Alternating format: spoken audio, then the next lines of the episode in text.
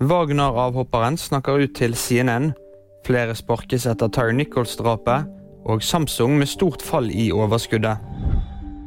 Andrej Medvedev snakker ut om fortiden i Wagner. Natt til tirsdag stilte 26-åringen opp til et eksklusivt intervju med mediehuset CNN fra et hotellrom i Oslo.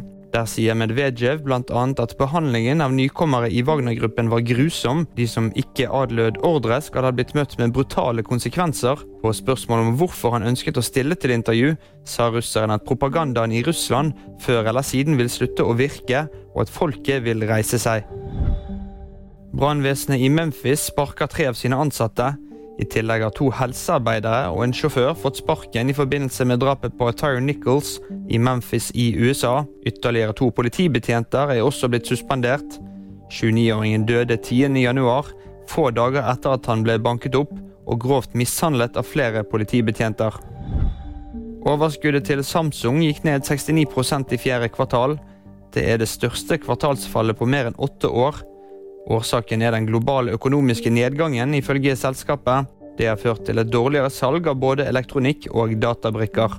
Og det var VG-nyhetene. De fikk du av meg, Kristoffer Gåsvær Torgersen.